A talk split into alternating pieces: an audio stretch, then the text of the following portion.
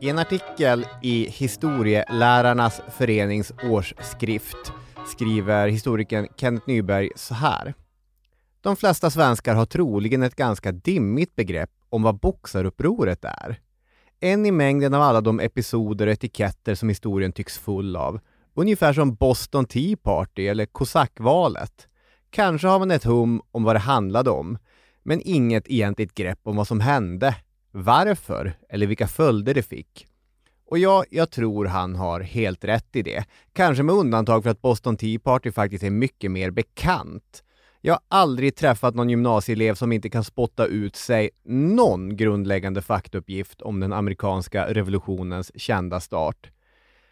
Och boxarupproret, det är känt i sitt namn och de flesta vet väl att vi befinner oss i Kina. Men vilka var boxarna? Varför gjorde de uppror? Vilka blev följderna?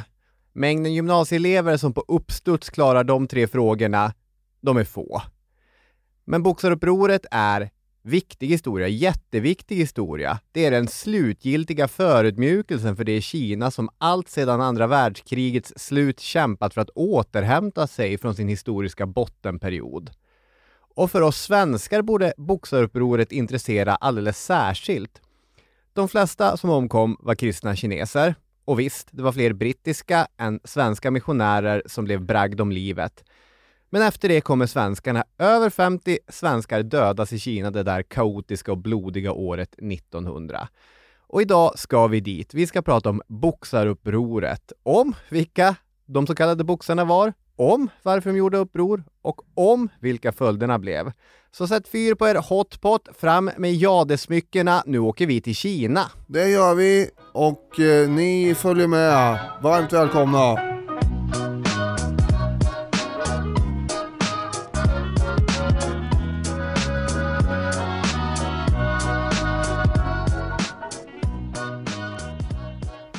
Varmt välkomna till Historiepodden! Ja, nu blir det som sagt eh, stor historia, även om det kanske är som du säger att om man går ut och frågar 10 eller säg 100 pers på stan då, ja vad var boxarupproret?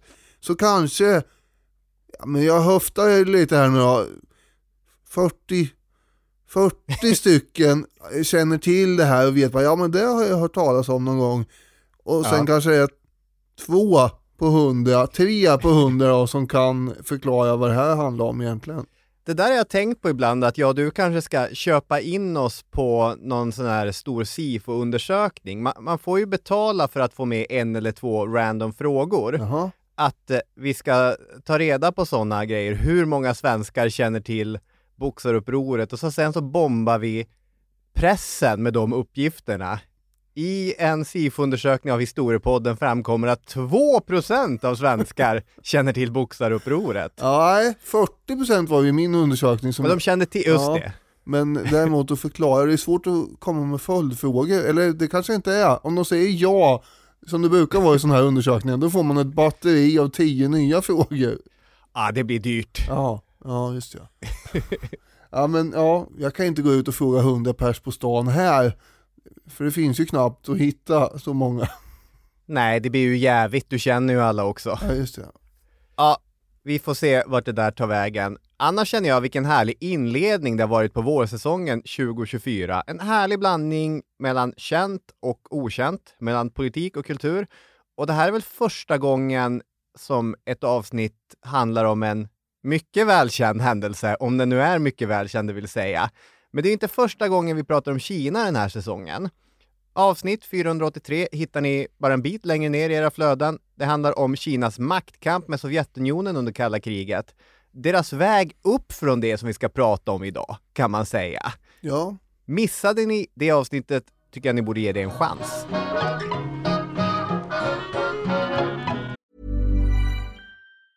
You should celebrate yourself every day, but some days you should celebrate with jewelry. Whether you want to commemorate an unforgettable moment or just bring some added sparkle to your collection, Blue Nile can offer you expert guidance and a wide assortment of jewelry of the highest quality at the best price. Go to BlueNile.com today and experience the ease and convenience of shopping Blue Nile, the original online jeweler since 1999. That's BlueNile.com. BlueNile.com.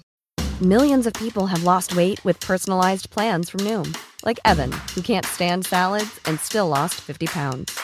Salads, generally, for most people, are the easy button, right? For me, that wasn't an option. I never really was a salad guy. That's just not who I am. But Noom worked for me. Get your personalized plan today at Noom.com. Real Noom user compensated to provide their story. In four weeks, the typical Noom user can expect to lose one to two pounds per week. Individual results may vary. Wow. Nice. Yeah. What you're hearing are the sounds of people everywhere putting on Bombas socks, underwear, and t-shirts made from absurdly soft materials that feel like plush clouds. Yeah, that plush. And the best part? For every item you purchase, Bombas donates another to someone facing homelessness. Bombas. Big comfort for everyone. Go to bombas.com slash ACAST and use code ACAST for 20% off your first purchase. That's bombas.com slash ACAST. Code ACAST.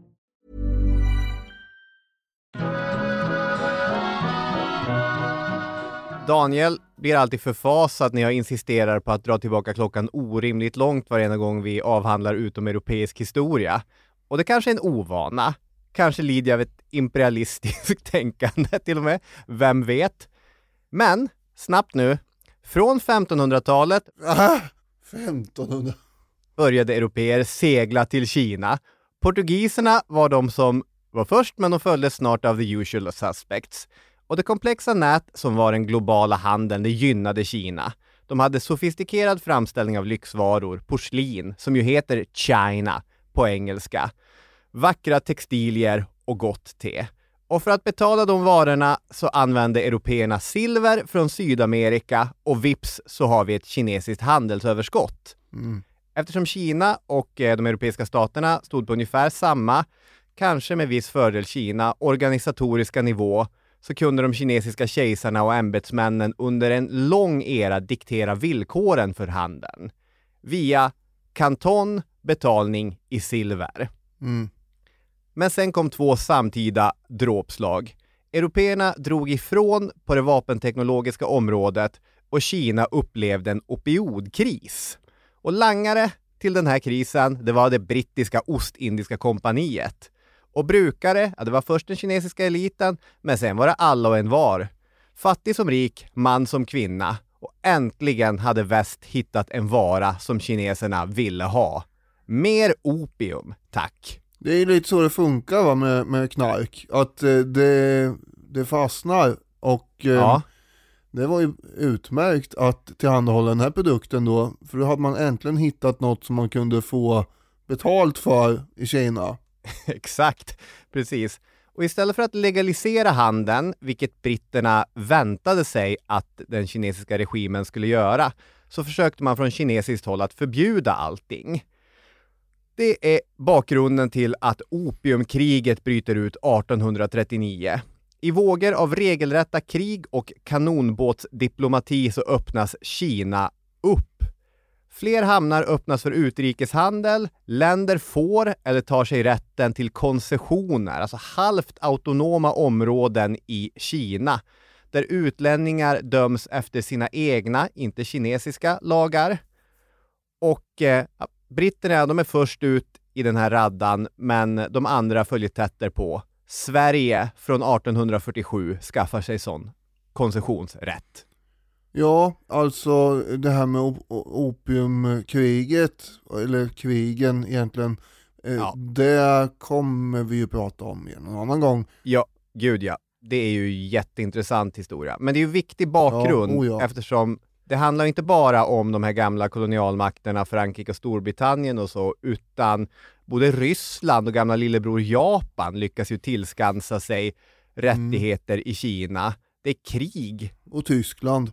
Och Tyskland, ja, mer om Tyskland vad det lider i det här avsnittet. 1894 till 95 så vinner Japan ett krig mot Kina. Det är en stor förödmjukelse. Ja, och det kanske dyker upp igen här sen. Alltså, eh, japanerna har ju då gått igenom en stor eh, och eh, delvis smärtsam egen Mm. reformation kan man säga, där man har då förändrat samhället i mer västlig och teknikoptimistisk, eller man ska säga, tekniktillvänd inriktning. Och ehm, därför kan man ju då besegra sen och Kina i det här kriget 1894-95. Mm. Och apropå teknik så hade man ju då kommit betydligt längre som sagt i väst. Och det gjorde ju då att till exempel handeln med ångfartyg, det hade ju fullständigt konkurrerat ut den kinesiska handeln med gamla träjonkers som de höll på med. De var ju, Ja. De var ju ganska traditionella och konservativa i sin syn. Men den här perioden under 1800-talet, det kommer ju att vara ganska traumatiskt för Kina, eh, om man säger så milt uttryckt. Inte bara ekonomiskt och ehm, liksom militärt och, och så, utan även identitetsmässigt, för de har ju föreställt sig att de var den ly, mest lysande och framstående nationen i världen som inte behövde någon annan överhuvudtaget. Nej. Och eh, alltså under en lång period av den kinesiska historien så är det en självbild som man har haft visst fog för också.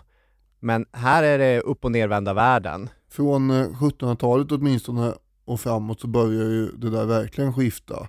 Ja, Eller ännu tidigare egentligen, det är ju från, ja, är det han eh, Harry Ari som har skrivit eh, Sapiens, han är väl inne på att eh, allting ändras egentligen i och med V- Amerigo Vespucci. och, ja. och att eh, då, då blir man, så det representerar en nyfikenhet från den europeiska sidan på omvärlden som, eh, som inte kineserna hade. Eftersom Vespucci, han fattade att det här är inte Indien, det är något annat, vi måste utforska vidare, det vill säga Mm. de amerikanska kontinenterna. Medan kineserna blev eh, liksom kvar i sin isolation. Absolut, men eh, det var ju också eh, en global handel som de till en början vann stor fördel av. Ja, oh ja, de, de hade ju massor med grejer som, som alla europeer vill ha, särskilt på 1700-talet som du var inne på, siden och porslin och, och grejer. Men den här tekniken återigen då, Ja, som tåg och järnvägar och telegrafstationer som kommer på 1800-talet, det blir ju som en symbol för ekonomiskt utnyttjande för fattiga kinesiska bönder och man uppfattar det som ett hot mot feng shui som det kallas då, alltså vind och vattenandarna. Och det är ett problem som kommer att återkomma här i avsnittet, alltså att man uppfattar det som att den här te- nya västerländska tekniken förstör för andarna. ja. Men så är det ju. Alltså om man tar det från den här änden, handelsbalansen att silver nu försvann, först till opium och så sen till annat och eh, att eh, européerna hade tillskansat sig sådana stora rättigheter i Kina. Det innebar ju att de kinesiska myndigheterna behövde få in pengar från något annat håll. Och då har man ju den här gamla spaken som man alltid kan rycka i, som heter skatter. Mm. Mer pengar från böndernas fickor. Bönderna skulle dessutom betala sin skatt i silver, men de säljer sina produkter för koppar, vilket innebär att de förutom höjd skatt dessutom torskar på växelkursen. Mm. Och det tillsammans med en tilltagande korruption samt, vilket vi också kommer nämna säkert hundra gånger, återkommande naturkatastrofer blev tillsammans ett recept som utgör den soppan i vilket de nu befann sig. Så förutom kanonbåtsdiplomatins århundrade så får vi ju massa stora uppror. Vi ska prata om boxarupproret, men det finns ju det kända Taiping-upproret, Ja. också en religiös och politisk eh, rörelse. Taiping-upproret är ju ett, eh, det är ju typ världens största uppror genom hela historien. Ja, Eh, Där fler människor än i något annat uppror i hela historien dör. Det är väl minst 30 Ja. miljoner och det pågår i 14 år mellan 1850 till 1864. Så det är ju mycket större än boxarupproret och men det gäller liksom andra saker eh, kan man säga. så när man har haft så många motgångar mot varandra, då är, ju, är det ju lätt att eh, irritera sig över hur järnväg och telegraf stör feng shuin. Det är ju det är en bra förklaring. Mm. Nu när vi redan är igång här och puttrar på så tänkte jag ändå komma med någon form av innehållsförteckning så att ni vet var, var vi ska närmsta tiden här.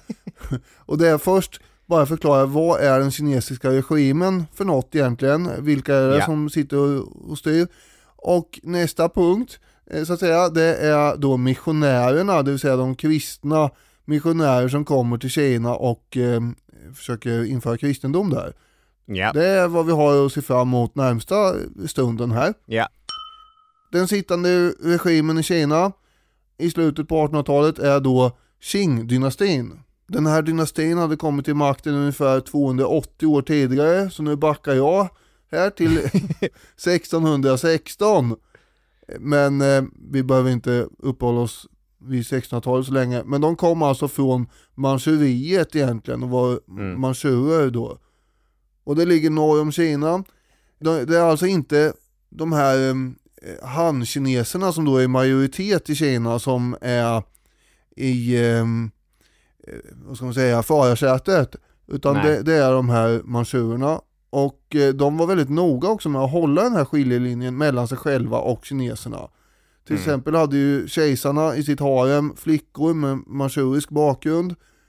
Och för den här perioden som det gäller då så kommer, så det är en ganska viktig grej här då. En av de här konkubinerna som blir aktuell är ju då Shushi. Och eh, ja, det är väl så det uttalas ungefär. Det är då en kvinna som är, vi kan prata mer om henne någon gång också, men hon kommer vara med väldigt mycket här. Men hon blir från 1852 den dåvarande kejsarens eh, konkubin, först med ganska låg rang. Mm. Enligt uppgift ska hon ha varit väldigt vacker som ung. Hon eh, födde eh, en son vartefter, det var hennes stora claim to fame eller vad man ska säga, eftersom det var den enda son som kejsaren fick. Och det gjorde att hon snabbt flyttades upp i den här hierarkin. Mm. Och eh, hennes man, som vi inte behöver gå in på vad han hette, den kejsaren, han var både alkoholiserad och djupt beroende av opium. Och Kina är ju försjunket i omfattande oroligheter på den här tiden under 1850-talet. Det är blodiga uppror som sagt, utländska intriger och diverse påverkansoperationer. Och så dör kejsaren då 1861 och, ehm, och hans änka Sushi gör en kupp och tar egentligen då den reella makten. Hon styr sen då som förmyndarregent på pappret åt först sin son som tar över styret som 18-åring 1873 men han dör sen bara något år senare officiellt i smittkoppor och då placerar Sushi sin systerson på tronen istället. Och han är då bara eh, 1875 fyra år gammal och eh, kommer att bli känd som Guangzhou-kejsaren. Han är Mm. då också samtidigt brorson till hennes eh, avlidne man. Så han är släkt med både den eh, liksom förre kejsaren och hennes egen syster eftersom det är hennes systerson då. Alltså hon har ju tre drag som alltid belyses i historieskrivningen. Du, du har nämnt ett av dem, att hon var vacker. Hon var ju också intelligent och väldigt, alltså totalt hänsynslös. Och hon lyckas ju bli den politiska spelaren som i ett halvt sekel nästan all eh, kinesisk politik snurrar runt på olika sätt. Mm. Och även om hon var tredje rangens konkubin till en början så är hon ju också från en av de förnämsta manchu-klanerna. Så hon kommer ju från den här äh, manchuriska adelsbakgrunden som alla i kejsaren och kejsarens hovs närhet gjorde. Mm. Hennes son då, Guangzhou, han eh, kom ju sen ta över under en period och ehm, var kejsare. Då är ju hon lite grann i bakgrunden. Mm. Det här är på 1890-talet. Vi återkommer till hur det går för honom då om en stund. För nu ska vi väl hoppa in på nästa punkt som jag utlovade, det vill säga missionärerna. Där europeiska handelsmän dyker upp kommer det snart nog också finnas kristna missionärer. Så mycket har jag lärt mig av att pyssla med historia i några år nu. Och om jag drar tillbaka hjulet orimligt långt, väldigt kort, med portugiserna hade jesuiterna kommit. Den verksamheten fick lov att pågå fram till och med 1721 då den kinesiska kejsaren helt sonika förbjöd kristen mission. Och då var det som för handelsmännen, man hade intet annat att göra än att acceptera sakernas tillstånd. Men sen kom det. Opium, krig, koncessioner och återigen utrymme för missionsverksamhet. Och Mm. redan från början såg missionärernas närvaro i Kina av många som ett tecken på det olidliga i sakernas tillstånd. Det är hemskt att de är här.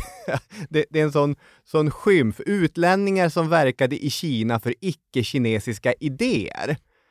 Först etablerade sig missionärerna i hamnstäderna och så sen i nästan samtliga större kinesiska städer och sen också på landsbygden. Det blir som en rörelse in mot landet.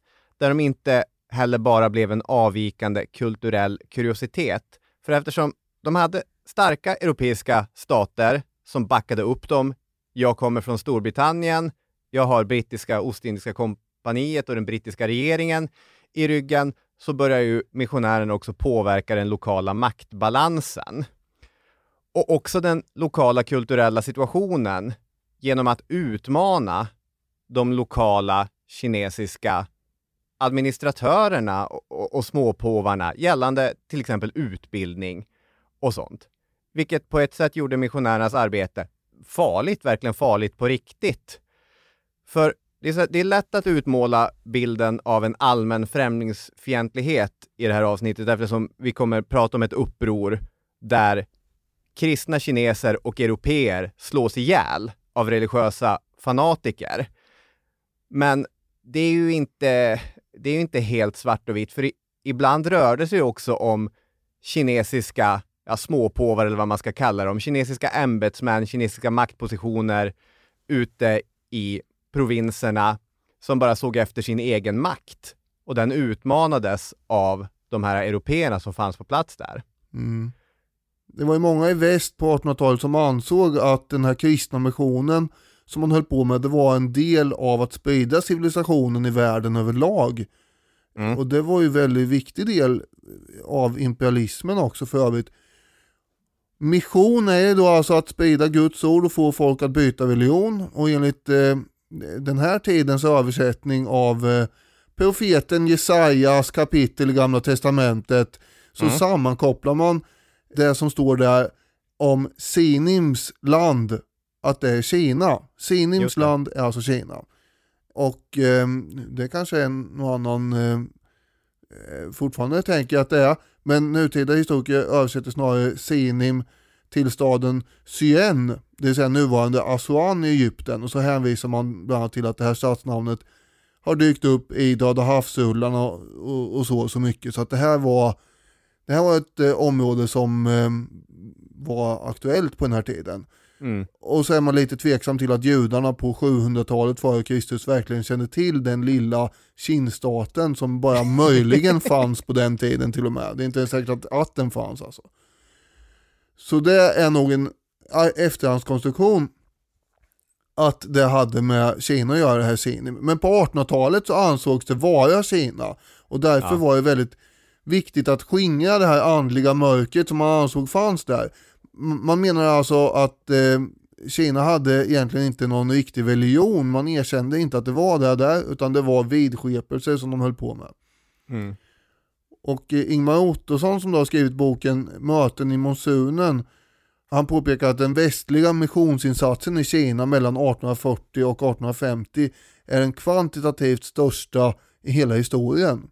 Just det. det var extremt många som åkte iväg just då. Och då som du var inne på, missionärer har ändå funnits i Kina sedan 1500-talet med jesuiter och andra. Och det fanns eh, 300 000 katoliker enligt uppgift i Kina på 1700-talet. Men eh, nu är det ju så att 1800-talet är ju protestantiska missionärers stora århundrade. Så nu är det framförallt protestanter som åker dit, bland annat från Sverige. Mm. Och de första svenska missionärerna som åkte till Kina kom eh, bland annat från Lunds missionssällskap och det, då är vi i mitten på 1800-talet alltså. Det gick inget vidare för svenskarna i den vändan. Någon blev mördad och väldigt, väldigt få kineser blev omvända för att det skulle vara värt mördaren så att säga. Mm. Men sen 1887 så kom nästa stora våg av svenska missionärer som åkte iväg tillsammans med andra då, bland annat eh, ifrån USA och så också. Och den svenska predikanten Fredrik Fransson grundade då Svenska missionen i Kina som det hette och så värvade han ett par hundra svenska missionärer som då reste till Kina för att sprida Guds ord där.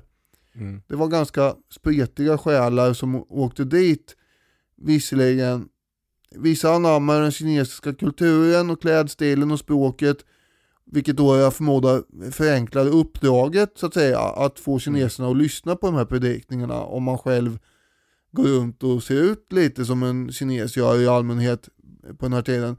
Men många hade ju en annan inställning och de flesta hade varken utbildning eller vana heller av att ens vara utanför sin egen hemort kan vi komma ihåg.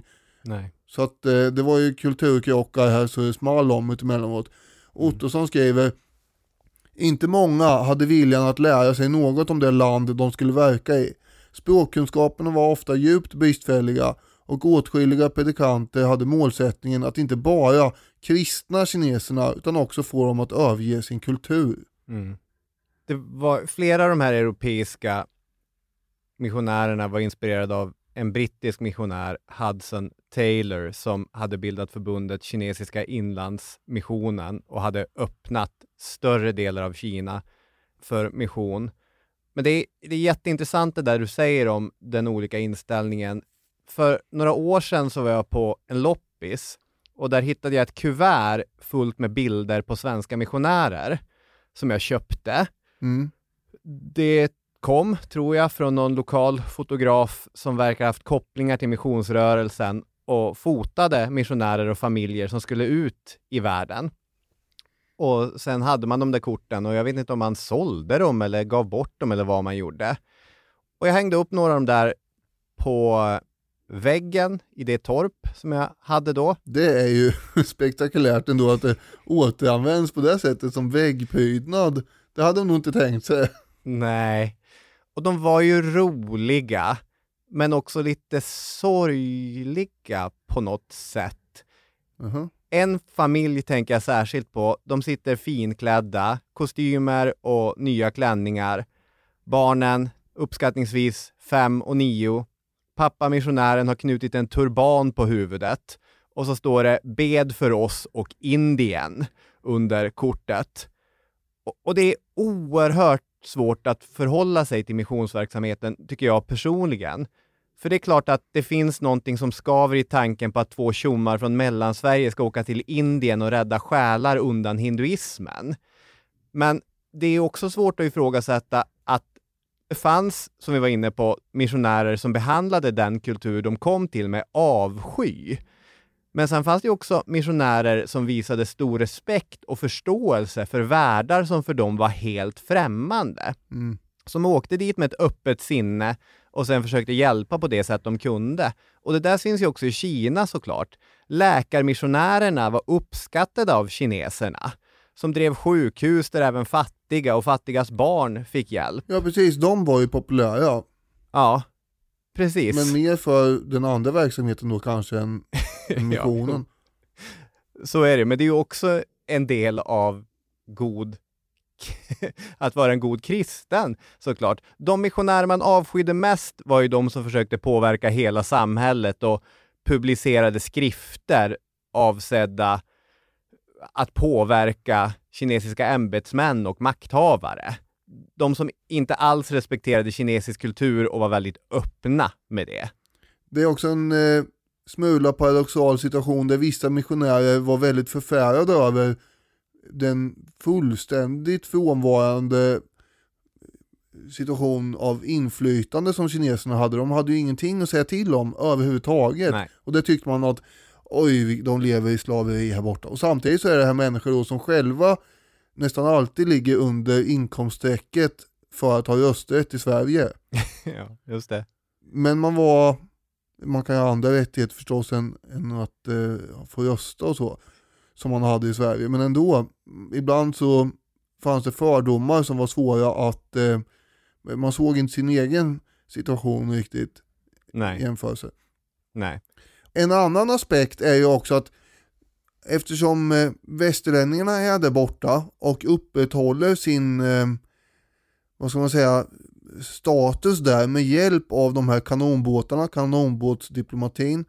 Mm. Det gör ju också att det, de garanterar ju de kristna missionärer som finns där sin, eh, sina rättigheter och sitt liv och även de kristna kineser som blir kristna.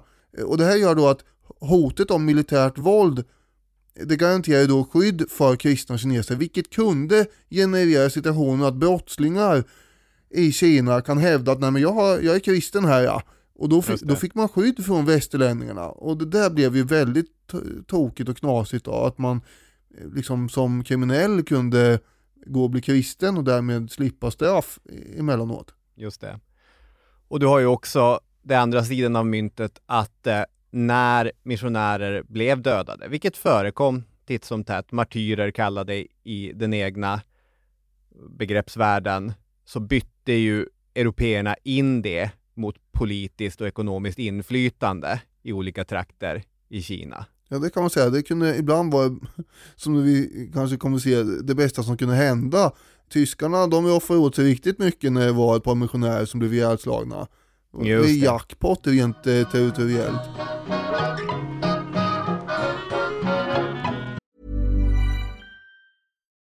Life is full of what ifs. Some awesome, like what if AI could fold your laundry?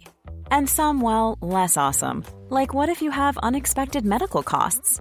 United Healthcare can help get you covered with Health Protector Guard fixed indemnity insurance plans they supplement your primary plan to help you manage out of pocket costs. No deductibles, no enrollment periods, and especially no more what ifs. Visit uh1.com to find the Health Protector Guard plan for you. There's never been a faster or easier way to start your weight loss journey than with PlushCare. PlushCare accepts most insurance plans and gives you online access to board-certified physicians who can prescribe FDA-approved weight loss medications like Wigovi and Zepbound for those who qualify Take charge of your health and speak with a board certified physician about a weight loss plan that's right for you. Get started today at plushcare.com slash weight loss. That's plushcare.com slash weight loss. Plushcare.com slash weight loss. Planning for your next trip? Elevate your travel style with Quince. Quince has all the jet setting essentials you'll want for your next getaway, like European linen, premium luggage options, buttery soft Italian leather bags, and so much more. And is all priced at 50 to 80% less than similar brands. Plus, Quince only works with factories that use safe and ethical manufacturing practices. Pack your bags with high-quality essentials you'll be wearing for vacations to come with Quince. Go to quince.com slash pack for free shipping and 365-day returns.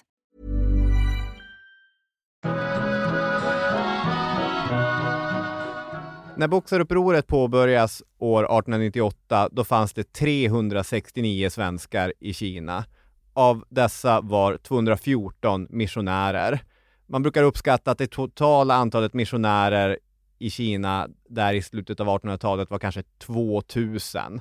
Så ungefär en på tio av missionärerna var svenskar. Mitt i det uppror som snart kommer bryta ut i det här avsnittet, i verkligheten har det redan brutit ut och eh, slocknat, så hittar vi ännu en av många politiska och religiösa rörelser i Kina. De uppkom i Shandong, nordöstra Kina, söder om Peking, med Sydkorea där på andra sidan Gula havet, under de sista ljuva åren av 1800-talet. Gruppens namn beskrivs av människor som faktiskt talar kinesiska, mandarin antar jag att det är i den här trakten, som närmast omöjligt att träffande översätta men ska man försöka slår man till med rättvisans och harmonins knutna nävar. Men som ni vet kallar vi inte upproret för rättvisans och harmonins knutna nävar-upproret, utan vi använder det ord som britterna gav gruppen. Ett smeknamn eller öknamn kanske, som fick bred spridning. De var boxare.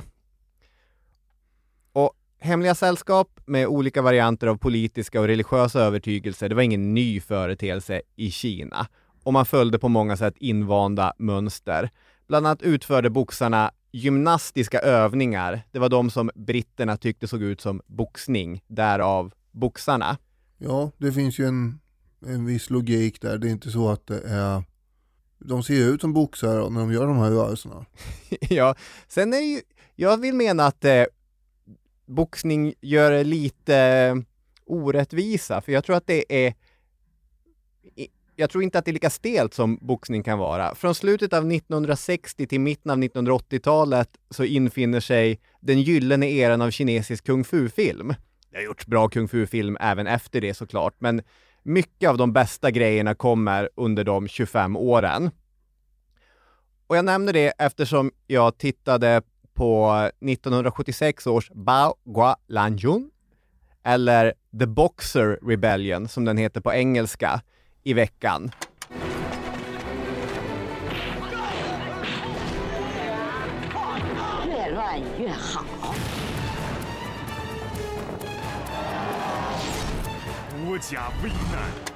Som är ganska många av de här filmerna, det är inte fem plus rakt igenom utan man får hoppa förbi de delarna som är lite tråkiga tills man kommer till de här helt otroliga scenerna där eh, stunt, men och eh, kung fu-stjärnor i världsklass. Vad är det här för jävla film? Att man ska behöva sitta och hoppa mellan scener som är bra?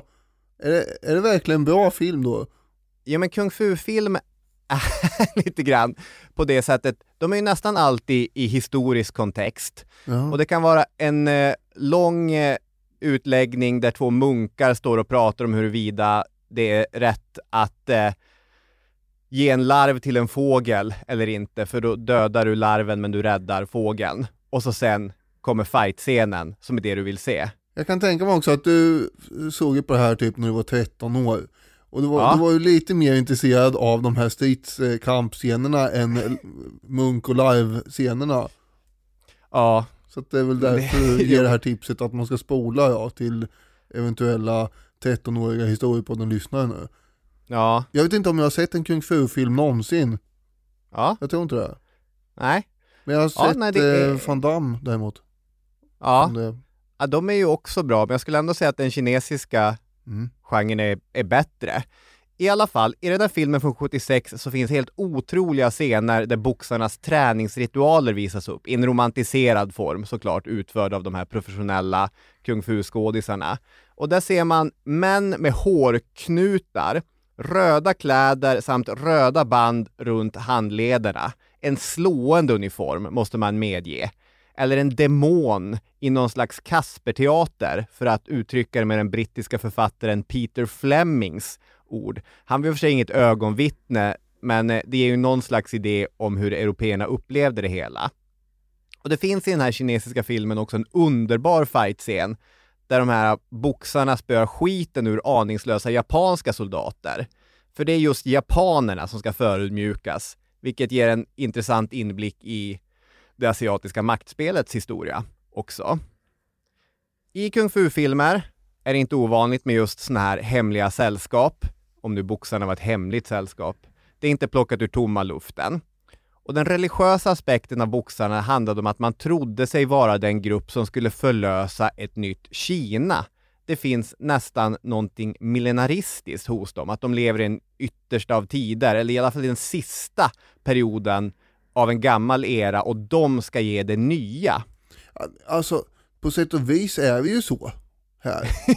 Jag menar, det dröjer ju bara typ 10 decennium efter det här upproret så finns ju inte det här kejsardömet som har funnits i 2000 år eller ännu längre sedan. Nej. 2200 år. Det är ju, Nej. så visst tusan är det på något sätt i slutet av en era de Ja. finns. Boxarna hade rätt, med andra ord. Hans Hägerdahl, historiker och asienkännare, han menar att rörelsen hade en slags folklig, religiös och metafysisk vinkling. Och vissa uppgiftslämnare menar ju att de under de här rörelserna jobbade upp sig i en slags frenesi och tuggade fradga. Och eh, mest välkänt att eh, många trodde sig vara osårbara. Mm. Det spelar ingen roll att européerna ställer upp en kulspruta där. Jag kommer inte bli skjuten, eller kulorna kommer inte träffa mig eller kommer inte såra mig. Nu visar det sig att så var det inte. Men om det visade sig att så inte var fallet, då gick ju det också lätt att förklara med att han som blev skjuten, han trodde inte nog mycket på det. Han var inte nog ren i sin övertygelse. Nej, De är fanatiker. ja, det kan man säga. Och det finns en ramsa som boxarna också kunde mässa, som gick ungefär så här. Det finns många kristna konvertiter som har förlorat förståndet. De bedrager vår kejsare, förstör de gudar vi dyrkar, river våra tempel och altare, tillåter vare sig rökelse eller ljus, slänger bort etiska texter och ignorerar förnuftet. Inser ni inte att deras mål är att lägga armarna om landet? Det här är en religiös, fanatisk missnöjesrörelse, kort och gott, som trots att den saknar central styrning mycket hastigt kommer växa i både numerär och framgång. Mm. Om vi tar den här löpande innehållsförteckningen så tänkte jag nu prata lite om eh, händelserna under åren före upproret och sen kastar vi oss in i år 1900 eh, och eh, ser vad som händer där, för då händer det mycket. Mm. Men 1894 hände ju också en del, då bröt det ut krig med Japan som vi var inne på. Det så kallade första sino-japanska kriget. Kriget handlade väldigt mycket om inflytandet på Korea, det var väl det det handlade om egentligen kan man säga. Ja, eh, och det ska jag säga. blev en brutal chock för Kina. Eh, det visar sig att den här traditionella korruptionen i det kinesiska systemet totalt hade undergrävt till exempel flottans styrka. Man hade slussat iväg pengar som inte hade hamnat eh, där det skulle och japanerna hade gjort tvärtom. De, ja. de hade ju byggt upp en eh, modern fungerande flotta och eh, även armé och, sådär. De har ju gått igenom den här moderniseringsprocessen som vi har pratat om i ett annat avsnitt. Mm. Och under det här kriget så stod ju skillnaderna mellan det moderna Japan och det traditionella Kina fullständigt klart. Och den kinesiska kejsaren då, Guangzhou, han var eh, till detta fullkomligt och totalt okunnig i militära frågor också. Däremot insåg han ju att Japan hade kommit längre än Kina och att Kina kanske också borde förnya sig genom reformer efter det här förödmjukande nederlaget. Och han är då kejsare under 1890-talet och eh, men det är ju hela tiden en liten speciell situation för hans eh, moster, änke kejsarinnan då, Sushi, hon är ju någon form av grå eminens och kanske den som, hon kan ju bestämma informellt väldigt mycket och han går ju runt och är mm. rädd för henne egentligen hela tiden mm. också. Men han har ändå makten och eh, då kommer vi till en reformperiod som kallas för de 100 dagarna. Det fanns många efter nederlaget mot Japan som kände att vi måste göra någonting åt det här hörni. Och man ville då ha till en moderniseringsprocess som Japan hade haft. Eh, en del ville det och, och, så pekar man också på ja, men Peter den store borta i Ryssland, han gjorde ju likadant. Vi måste vakna och förändra oss så att vi kommer ikapp här nu. Mm.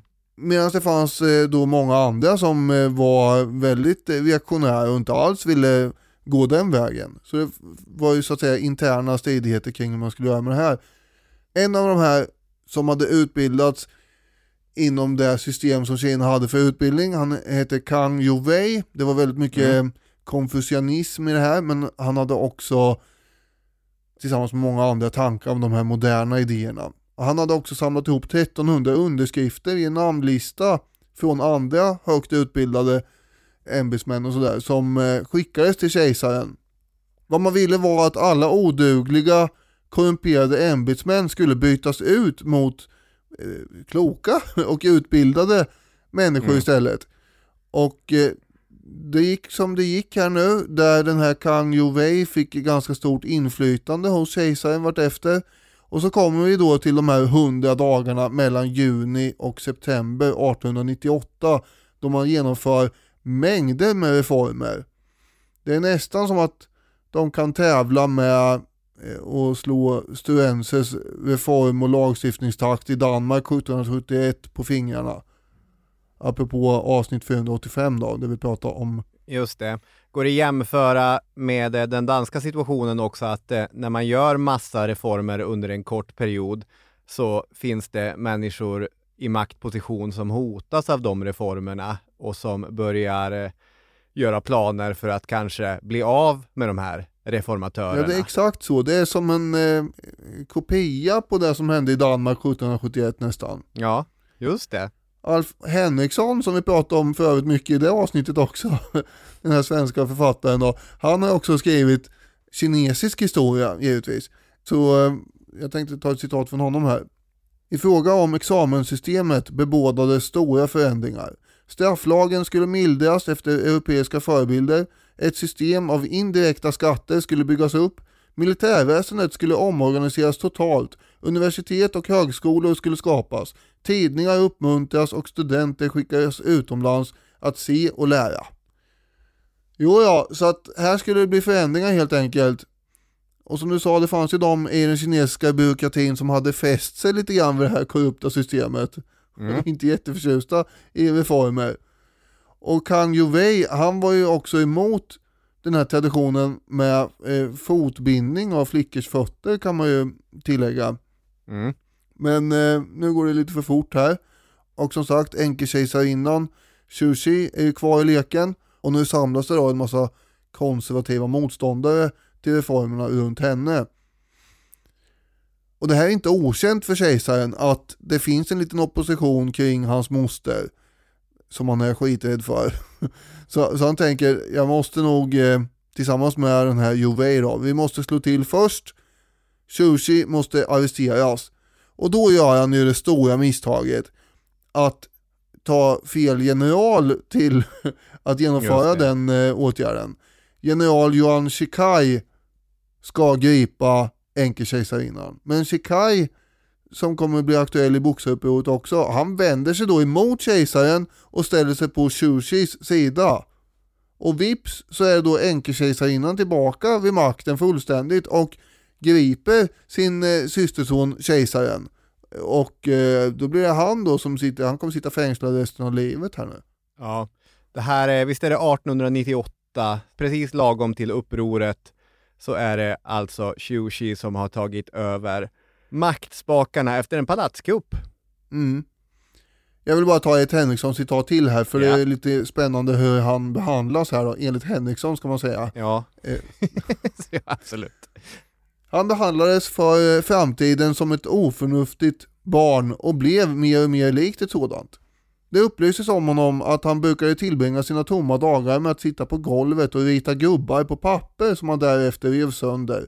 Och allt emedan ritade han också en stor sköldpadda, homosexualitetens symbol i Kina, skrev det svekfulla namnet Yuan Shikai på dess rygg, besköt det med bambupilar, klippte det i småbitar med en sax och kastade upp bitarna i luften som konfetti. Ja, det, kan det vara propaganda? Ja, det kan det ju. Men han kan ju också ha tappat det och varit förbannad och ja. hade inga eh, liksom egna voodoo-dockor att, eller vad man ska säga. Så han gjorde någon form av gubbar som han ritar och ja. jag vet inte om det här är sant, Nej. det är Henriksson som säger. Men det kan vara sant. Kan vara sant. Kang Youwei han flydde antingen till Hongkong eller Japan, förmodligen både och i tur och ordning. Men också faktiskt till Saltsjöbaden en sväng där han bodde med sin dotter. ja. Så det är ju, han överlever i alla fall hela den här soppan. Ja.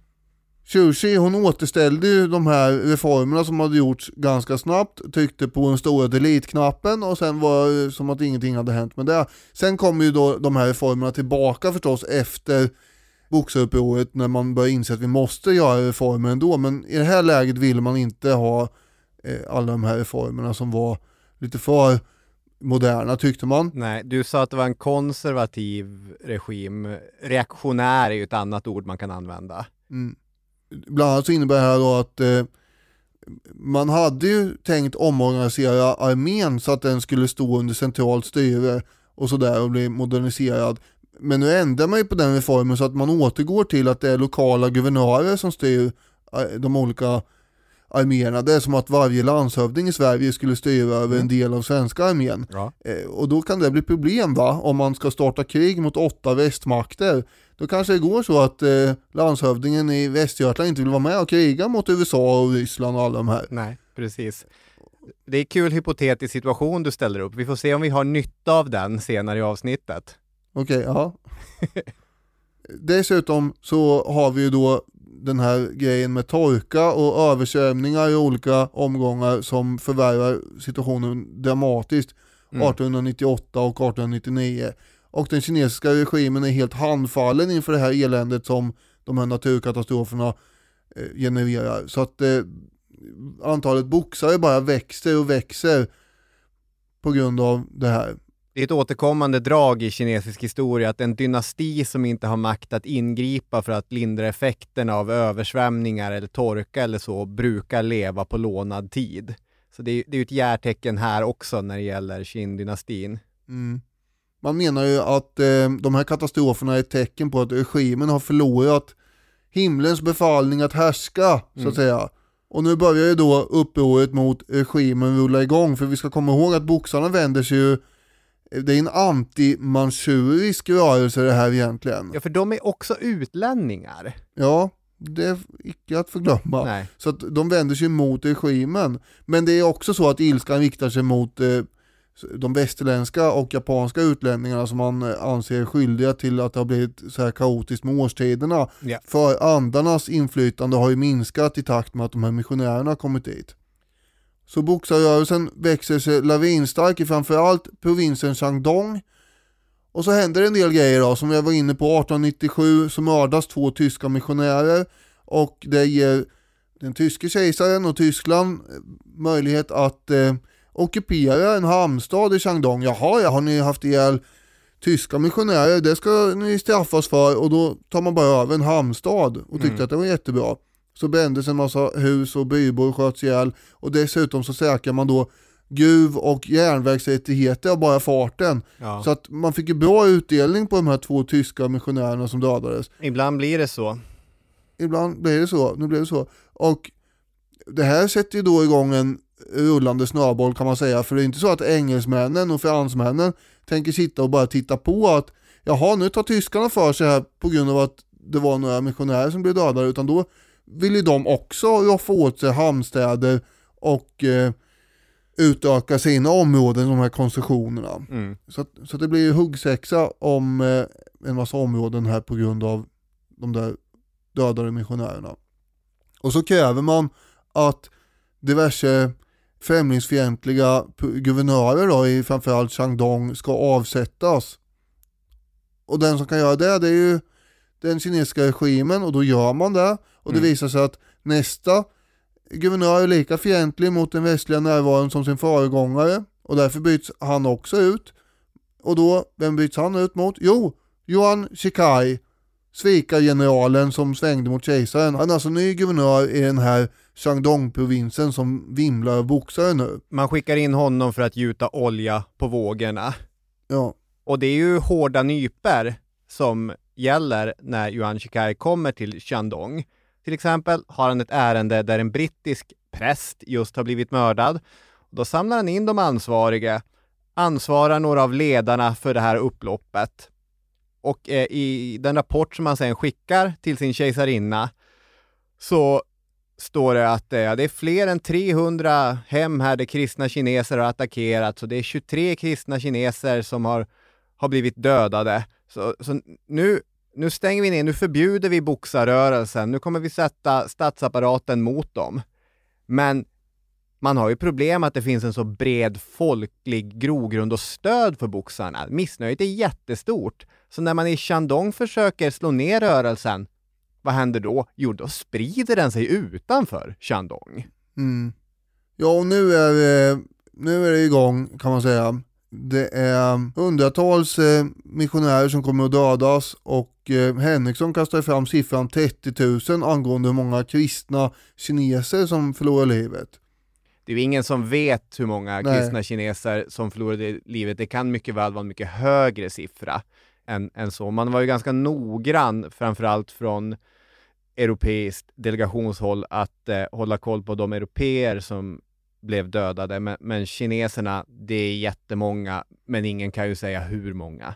Den här guvernören som Shikai hade ersatt, han blev ju istället guvernör i eh, Shanxi, en annan provins, och där ställde han till med regelrätta blodbad då alltså på missionärer. Mm. Åtminstone ett 50-tal västerlänningar. Och eh, han ska själv då också ha varit med och högt någon katolsk biskop i ansiktet med sitt svärd och varit eh, högst fientlig. Och det blir ju en boxarfri stad. Ja. Under våren 1900, eh, nya seklet har börjat allt, då kommer boxarna att härja hejvilt här på landsbygden och det rivs telegrafstationer och järnvägsstationer och kyrkor och hem där man får veta att ingenjörer bor och så vidare. Man vill ge sig på allt som symboliserar väst, modernitet och kristendom. Exakt. Och vad ska Churchill göra här nu då? Hon ställer sig ju ursprungligen mot boxarna. Ja, det var ju där hon hade skickat Shikai att slå ner det här till början med. Exakt. Och I vissa provinser som Shandong och grannen Chili förbjuds boxarna. Och det är ju helt i linje med de önskemål som har framförts till kejsarinnan från de utländska delegaterna. Fast de vill ju ha ett nationellt förbud. Och det fick de inte. Så då börjar man ju mer och mer sätta press på henne. Det brittiska sändebudet, Sir Claude MacDonald, han är inte road och han ger i början av april de kinesiska myndigheterna två månader att en gång för alla sätta stopp för boxarnas framfart.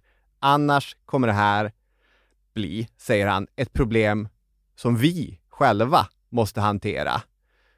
Och det är ett hot som ganska tydligt visar på den kinesiska positionen vid sekelskiftet. Det är svårt att tänka sig att en eh, brittisk eh, delegat i eh, Beijing skulle gå och framföra det hotet eh, idag. Ni får två månader att fixa det här, eh, annars, annars gör vi det själva. Ja, nej det är ju omöjligt förstås. Men eh, du säger att han inte var road. Ja. Men han var ju inte så oroad heller egentligen. För han tänkte ju att det här ligger ju i den kinesiska regimens intresse att få till en fred förstås. Ja. Och eh, det flödade in förstås rapporter ifrån eh, inlandet på, alltså som handlar om att det var massakrer på missionärer Mm. och sådär. Men det där tolkade han som skrämselpropaganda för missionärerna i ganska stor utsträckning. Mm. För det var inte alltid som eh, så att säga sekulariserade tjänstemän eller handelsmän drog jämt med de kristna missionärerna. De var lite grann stod emot, tyckte att den andra parten var lite jobbig ibland. Just alltså. Ja. Sen gör ju McDonald ett klassiskt kanonbåtsdiplomatiskt drag. alltså, han flyttar fram kanonbåtarna. Eh, Ja, just det. I Tianjin, där i viken i Gula havet, strax sydost om Beijing, där parkerar man kanonbåtarna utanför de kinesiska Taku-forten. Det är befästa positioner på respektive sida om Haifloden. Det vattendrag som binder Beijing med havet. Det är ju av enormt strategiskt värde. Så det är som ett första schackdrag. Nu har vi lite grann hotat kungen här. Jag vet inte vad vi har gjort. Vad ska ni göra? Apropå enkelkejsarinnan Shushi så hon har ju gett ut ett par dekret, först i januari 1900 och sen i april 1900 skrivelser alltså som eh, underförstått lite grann stöttar boxarna. Just det. Och det här har ju då stört och irriterat västerlänningarna som inte riktigt förstår det här. Eh, Och McDonald, han tror ju fortfarande inte att, ja men hon, det är väl inte så att de, eh, de kan inte vara emot oss liksom. Det, det är väl inte ändå regimen. Men det där kommer ju bli ganska tydligt här nu snart. Men den här eh, omfattande boxarrörelsen, de rör sig också i ganska oroande hastighet mot Peking och de plundrar och har sig runt omkring där under våren och eh, i slutet på maj då kommer 400 marinsoldater till ambassadområdet i Peking på begäran från ambassaderna eftersom man börjar bli lite orolig ändå för att eh, de här boxarna verkar ju ställa till det rätt mycket i utkanterna. Mm. Men 400 marinsoldater är ju inte jättemycket mot de här 200 000 boxarna. Nej. Så man tycker att det är en lite riskabelt liten styrka som man säger. Ja. Till slut kom ju även McDonald till insikt här om eh, att eh, det, det är något som är fel här va. Kanske sitter han där och tuggar på en Big Mac eh, och tar emot uppgiften då att revoltens brand har nu nått utkanten av Peking. I boken 1900-talet i ord och bild står det så här. Det var inte förrän den 9 juni när åskådarläktaren vid kapplöpningsbanan bara 5 km utanför Peking gick upp i lågor som den diplomatiska kåren i sin helhet blev verkligt skrämd. Två gånger den eftermiddagen telegraferade McDonald till den brittiska amiralen i Sir Edward Seymour och bad enträget om förstärkning. Följande morgon lämnade Seymour följaktligen Sensin med lite mer än 2000 marinsoldater av åtta nationaliteter. De planerade att tillryggalägga den 130 km långa resan med tåg och samtidigt reparera banan som till vissa delar förstörts av boxarna. För att sammanfatta här. De här trupperna som nu är på väg, de här 2000, de kommer att anfallas av boxarna Mm. och den av sabotage söndersprängda järnvägen ställer till en hel del. De har nästan lika stora problem som SJ brukar ha en vanlig vinterdag att ta sig fram. Så det kanske hade varit bättre och gått snabbare om de hade marscherat till fots. Men de kommer ändå inte liksom fram, de måste retirera för att boxarna är för många.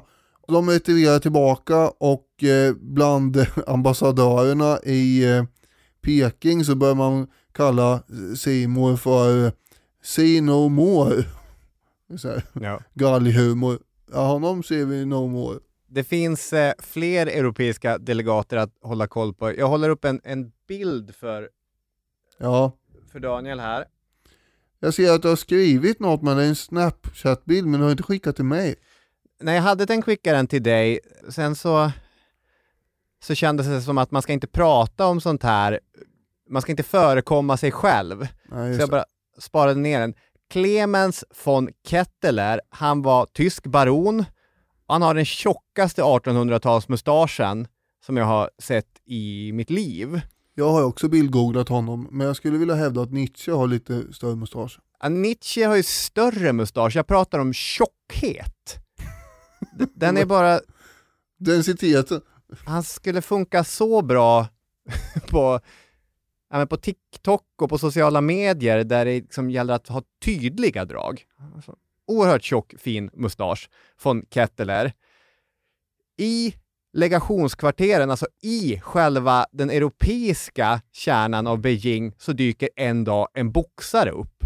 Rödklädd som sig bör. Han åker vagn och slipar sin kniv mot sina stövlar samtidigt. Och det är för mycket för den tyska ministern att hantera. Så han tar sin promenadkäpp och börjar svinga vilt mot boxaren. Han slår och slår med rottingkäppen, som dessutom har en sån här knopp på. Så det gör ju ont det här, det förstår man. Och boxaren tar till flykten. Samtidigt som en pojke som har åkt i samma vagn som boxaren tas till fånga av tysken. Även på den här pojken så går tyskarna lös med, med käpparna. Det bara faller slag över honom. Saker och ting har spårat ut i Kina, tänker von Ketteler. Men kanske kan han återställa ordningen med sin rottingkäpp. Och en officiell begäran från kinesiskt håll att den här ungen ska sättas på fri fot ignoreras. Det där är ju början på en lång dag, för på kvällen kommer ju resten av boxarna, eller i alla fall fler och fler boxare, visa sig i Beijing. De kommer börja röja fram på gatorna och ge sig på allt de ser med europeisk koppling, framförallt kyrkor är ju de har att ge sig på. Och det är massvis med kristna kineser som flyr till delegationsområdet som nu också börjar barrikaderas. Ja, det gäller ju att sätta sig i säkerhet där bakom. Ja. Västmakterna kräver nu då att eh, kinesiska regimtrupper ska överge de här så kallade Taku-forten, eller Taku-forten. Och det vägrar den kinesiska befälhavaren gå med på, vadå det är våra fort här. Eh, Mm. Varpå västerlänningarna intar forten med våld, alltså stormar dem. Ja. Eh, och Xi, hon, eh, det, det, här är ju, det här är ju inte helt okej att de gör så va. Så hon levererar ju då ett ultimatum den 19 juni.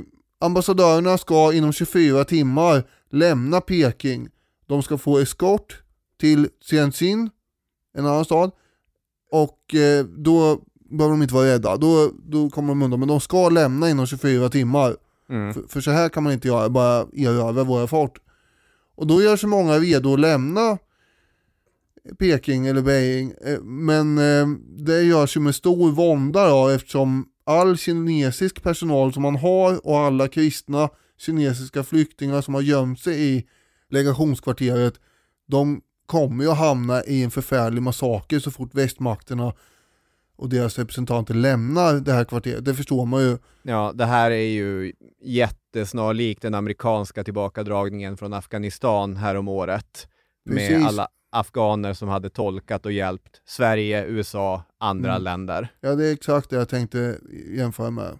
Boxarna och talibanerna har ju beröringspunkter. Kabul 2021. Mm. Ja, det var ju mycket elände kring det där. Men nu kommer det inte riktigt bli så i det här fallet ändå. Västländernas ambassadörer sände en fråga till den kinesiska regimen innan de skulle lämna det här legationskvarteret. De ville prata med sina militära befäl som nu för tiden kontrollerade de här tankforten då. Och den frågan ignorerades från eh, den kinesiska regimen varpå den tyske von Kettler blir aktuell igen. Mm. Nu är han arg. Nu är han arg igen. Nu ska han, eh, ja, jag höll på att säga spankulera till den kinesiska utrikesdepartementet och prata förstånd med kollegorna där men det är inte... Mm, Vissa ja, kinesiska vanor har han lagt sig till med. ja, han har gjort det. Han, så han tvinnar sina mustascher, tänder en cigarr och sätter sig i sin bärstol för att transporteras dit. Ja, så är det. Där sitter han och skumpar fram på Beijings gator, som du säger, cigarr i ena mungipan när en kinesisk officer från den så kallade muslimska armén kommer fram till honom. Och knappt hade Kettler börjat jobba upp sin heliga tyska vrede innan det small. Och det var inte hans vrede som small, utan han blir skjuten i huvudet. Mm. Det här är ingen spontan händelse heller, utan det fanns redan en undertecknad dödsdom mot von Kettler.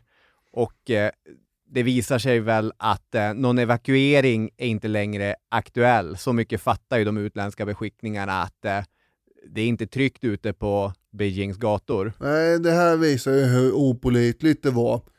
Eh, Även om det inte hade att göra med boxar, boxarna så att säga. eh, Utan det var en högre tjänsteman som hade bestämt det här. Dessutom så hade de kinesiska tidningarna fått uppgift om det här mordet redan dagen före. Innan mordet skett. Ja, så att det visar ju att det här var ingen slump. Nej. Men hur man kunde veta att han tänkte ge sig ut där i sin bärstol, det vet jag däremot inte. Han kanske var väldigt lätt att förutspå. Ja. Von Kettler kommer rasa och ge sig ut på gatorna i bärstol. Och eftersom ambassadörerna inte lämnar legationskvarteret så förklarar Churchill helt sonika de här åtta västmakterna krig den 21 juni. Mm. Och det här är ju en eh, chock. Nu helt plötsligt så är alltså den kinesiska armén mer eller mindre ihopslagen då med boxarupprorets element. Ja, precis. Hon skickar ut en handfull prinsar som ska införa någon slags befälsordning i den här, äh, ja, politisk, religiösa, fanatiska proteströrelsen. Är det här som att eh, Gustav Vasa skulle alliera sig med Dacke mot danskarna? Eller något? Okej. Jag vet inte. Ja, kanske. Ja. Hägerdal gör ju också den poängen att eh, Qing-regimens allians med, som han skriver, en diffus bonderörelse visar något av den desperation med vilket den klamrade sig fast vid makten. Det tydde också på en djupt demoraliserad statsapparat som undan för undan förlorat nästan all prestige den en gång avnjutit. För ett politiskt system som i mångt och mycket byggde på prestige var det ett svårt dilemma. Centralmakten är svag här och dess agerande fullkomligt skriker. Vi, vi är svag! Mm. Ja, så är vi ju. Inne på det här legationsområdet nu så finns det alltså det är 11 utländska legationer, det är 450 civila västliga representanter Mm. och ungefär 450 då, västliga marinsoldater och mellan 3 till 6 tusen, det är lite oklart, kristna kineser. Mm. Och alla de här trängs ju nu på ungefär en hektar samtidigt som det skjuts en hel del in i kvarteret. De eh, belägrade har ungefär eh, runt 100-150 kapplöpningshästar att gnaga på tydligen. Och så finns det förråd av både spannmål och torrfoder. Och de, det finns ju sjuka barn där inne också och de kan få mjölk då från en stackars ensam ko.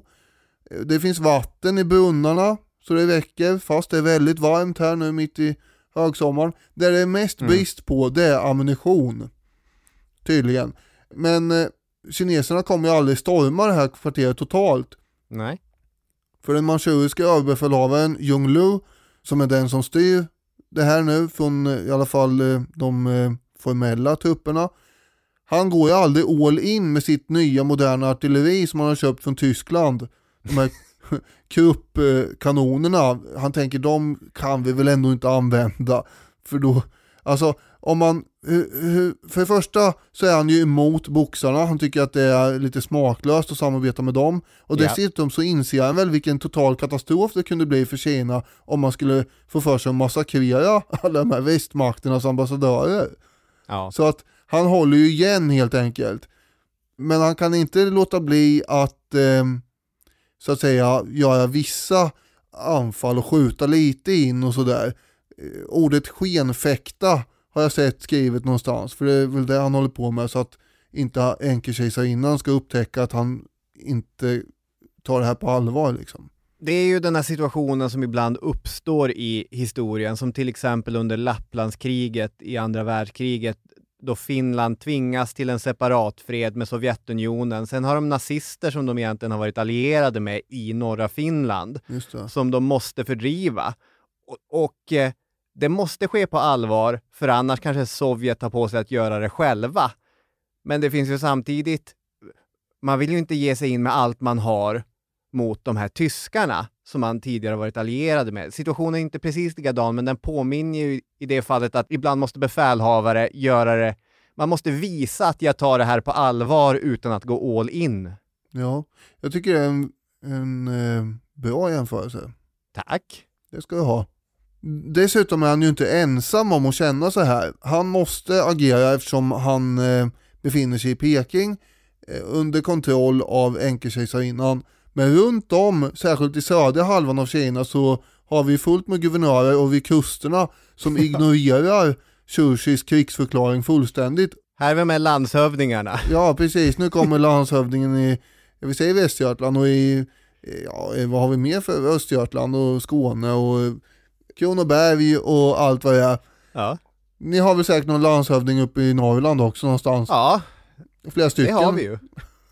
Och tänk att alla de här också, Fullt av dem. också då inte riktigt vill vara med och, och kriga mot NATO, Ryssland och Kina.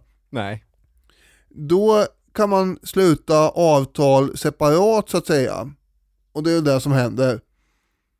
Och det gör ju då att den kinesiska armén absolut inte är så stor som den skulle kunna ha varit. Nej, och det är ju en välsignelse i hela det här skeendet att eh, Mm. kejsarinnan har så svag makt över hela sitt rike. Ja det får man ju faktiskt säga att det är. Annars hade det kunnat bli eh, ett episkt blodbad det här. Mm. Men det förekommer ju artilleribeskjutning då med äldre kanoner, även om det inte är kruppkanoner, mot de här ambassaderna. Och man siktar in sig bland annat på den brittiska ambassaden och då råkar elden sprida sig till en konstakademi i närheten som Henriksson skriver brann ner till grunden bara på ett par timmar. Mm. Och därmed förgicks kvintensen av århundradens litterära och artistiska mödor i Kina, skriver han. Mm. Och det är förstås sorgligt när kultur går åt på det här sättet. Det är det ju, verkligen.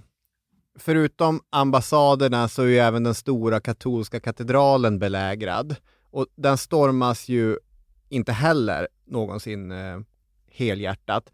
Däremot så finns det ju återigen uppskattningsvis 4 000 människor som gömmer sig i en katedral i två månaders tid.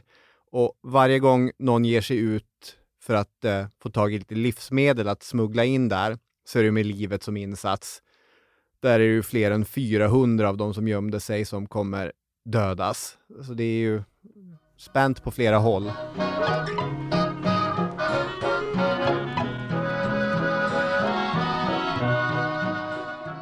Västmakterna och i synnerhet då Japan som har flest soldater inblandat skrapar ihop en undsättningsarmé på 20 000 man. Och då får vi komma ihåg att de har minst 200 000 boxare och eh, eh den eh, regimarmén i Kina emot sig. Men de forcerar sig nu fram mot Peking och efter 55 dagars belägring alltså av de här legationskvarteren så kommer då belägringen av det kvarteret hävas eftersom striderna blir inte särskilt svåra för västmakterna här. Nej. Boxarna till exempel, de kommer anfalla obeväpnade ofta Mm. i den mån de anfaller. Man hade bestämt att man skulle angripa den 14 augusti men den ryska styrkan var den första som togs in i Peking och de tjuvstartade redan den 13 lite grann för att de ville var först eller något, jag vet inte. Men det var de indiska trupperna under brittiskt befäl förstås som nådde fram till legationskvarteret först. Klockan halv tre den 14 augusti stod de på den brittiska legationens tennisbana. Ja, just det. Av alla ställen och då var ju saken klar. Man behövde väl ett litet öppet utrymme att samlas i. Ja, jag ser framför mig att det är en massa murbruk och grejer som ligger där på Ja. linjerna. Just det, det tror jag är helt riktigt också. Du nämnde i vårt eh, avsnitt om Adolf Fredrik för någon vecka sedan om hur ovanligt det är att ryska soldater bjuds in till Sverige för att skydda Sverige mot sitt eget folk och Danmark. Det är ovanligt. Det är mycket ovanligt. Och en annan sak som är ovanlig är ju sammansättningen av den här undsättningsstyrkan som från Tianjin jobbar sig fram mot Beijing. Och det där är ju många författare som gör en grej av. Hans Hägerdahl, som är en modern författare, skriver ju en europeisk, amerikansk, japansk undsättningsstyrka. Och han gör även poängen främmande soldater, brittiska siker såväl som ryska kosacker.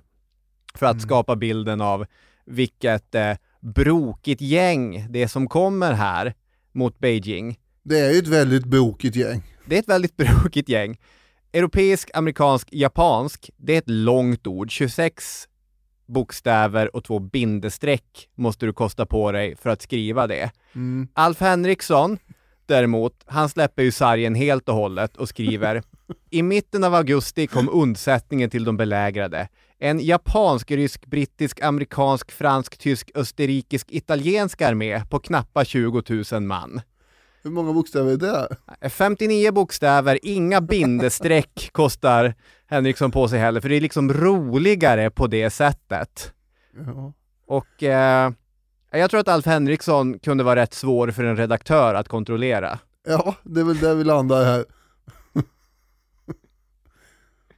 ja, men det mesta motstånd går ju upp i rak här ganska snabbt. Och det gör även änkelkejsarinnan Shushi för övrigt och eh, tar med sig sitt hov och den här stackars fångne kejsaren och flyr från Peking den 15 augusti. Hon är utklädd i bondekläder för, för övrigt. Ja, hon beordrar kejsarens favoritkonkubin Pearl att eh, begå självmord. Och när konkubinen vägrar att ta sitt eget liv så kastas hon i en brunn av en enuck istället. Det har ingenting med det större skeendet att göra, men det är ändå en jävligt sjuk grej som sker där. Mm. Att, eh, det, det är väldigt medeltida att bara kasta någon i en brunn. Ja, var det Alexander den stores mamma som eh, slängde en eh, potentiell rival till sin son i en eh, bronsugn? Ja, det, det är nästan sjukare. Det var ju också några tusen år tidigare. Det var det.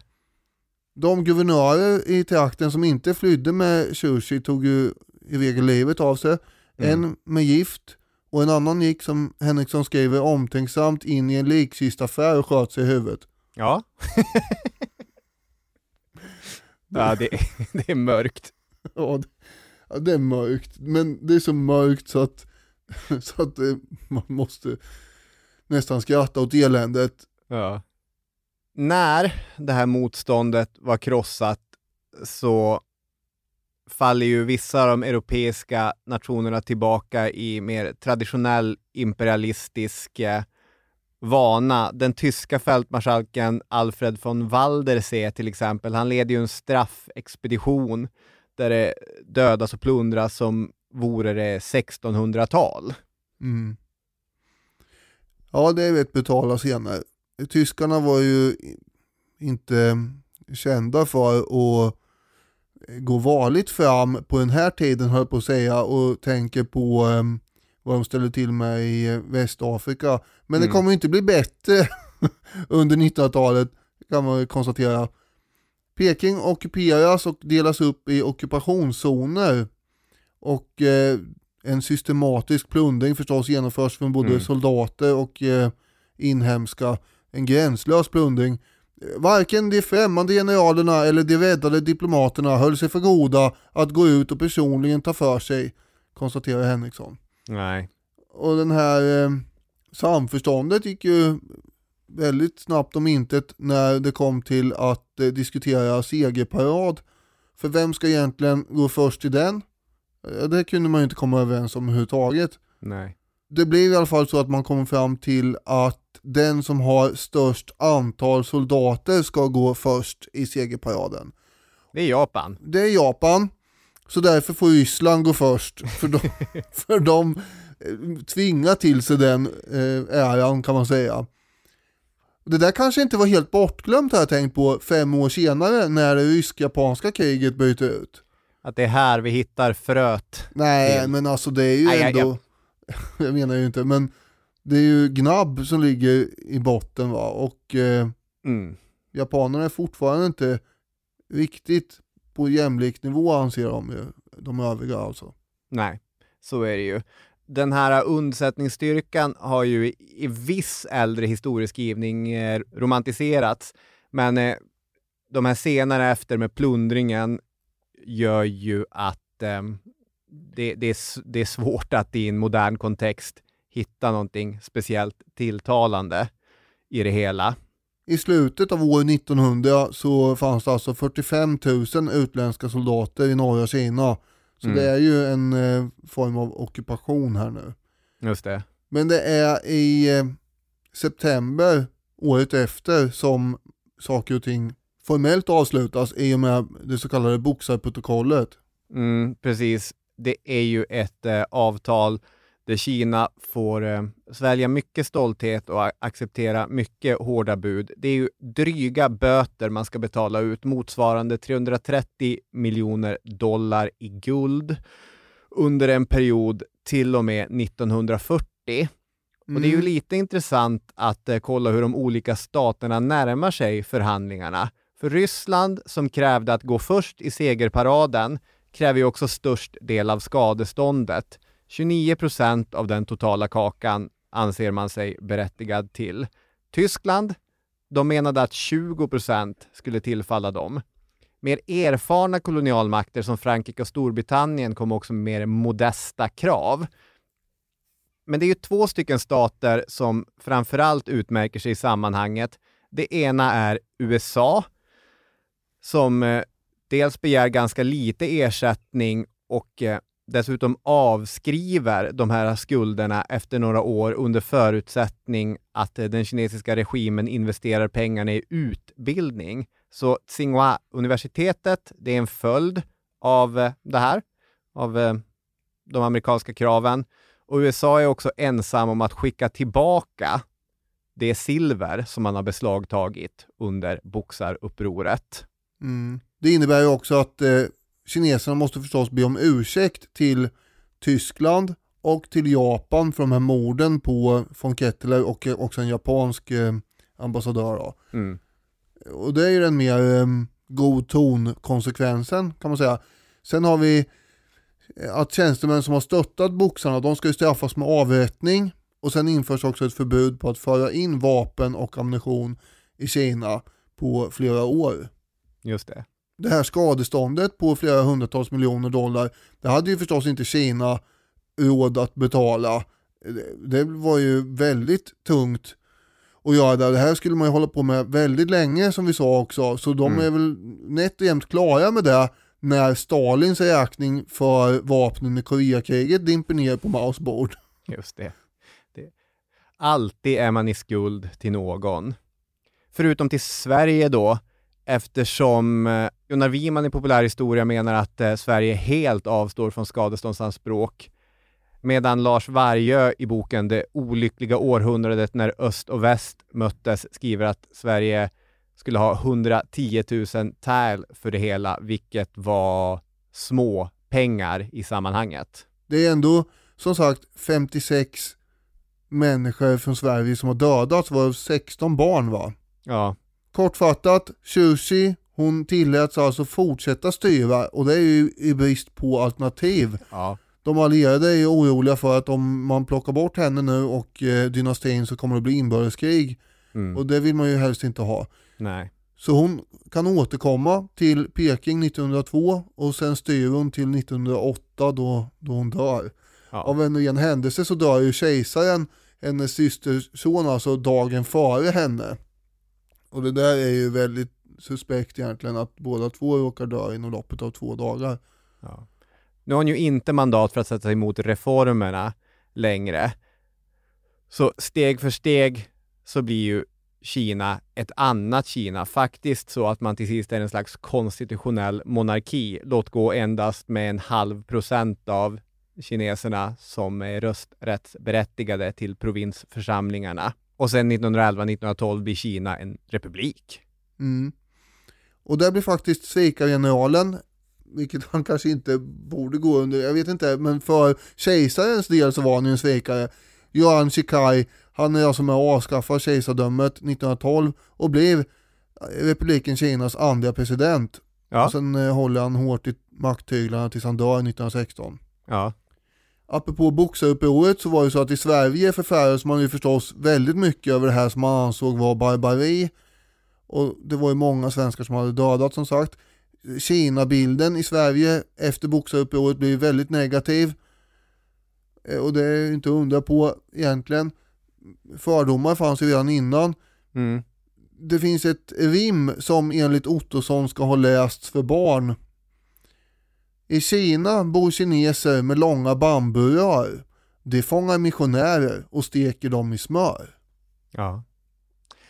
Sen ska man ju säga också att eh, i missionärernas egna berättelser om vad som faktiskt hade skett så är de ganska eh, nästan oväntat eh, ovilliga att i första hand skylla på kineserna, utan många missionärer skyller ju på västmakterna som gått fram så hårt och skapat det här missnöjet. Ja, det är ju missionärerna och eh, som sagt handelsmän och tjänstemän och representanter från staterna, de håller ju inte alltid ihop. De har ju olika intressen. Ja. Det är kanske inte förvånande att eh, många missionärer trots allt var förlåtande. Det ligger ändå lite grann i den eh, religion som de har åkt till andra sidan världen.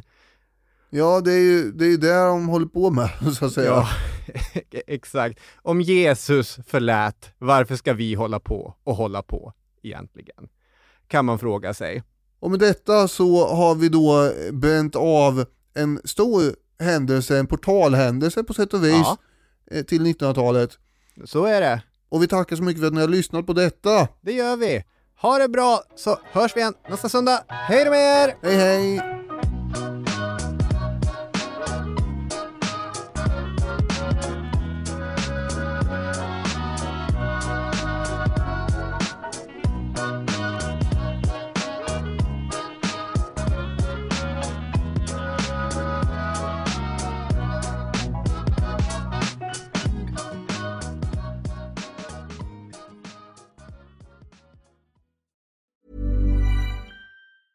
Planning for your next trip? Elevate your travel style with Quince. Quince has all the jet setting essentials you'll want for your next getaway, like European linen, premium luggage options, buttery soft Italian leather bags, and so much more. And is all priced at 50 to 80% less than similar brands. Plus, Quince only works with factories that use safe and ethical manufacturing practices. Pack your bags with high-quality essentials you'll be wearing for vacations to come with Quince. Go to quince.com slash pack for free shipping and 365-day returns. Even when we're on a budget, we still deserve nice things. Quince is a place to scoop up stunning high-end goods for 50 to 80% less than similar brands. They have buttery soft cashmere sweaters starting at $50, luxurious Italian leather bags, and so much more. Plus, Quince only works with factories that use safe, ethical, and responsible manufacturing. Get the high-end goods you'll love without the high price tag with Quince. Go to quince.com/style for free shipping and 365-day returns.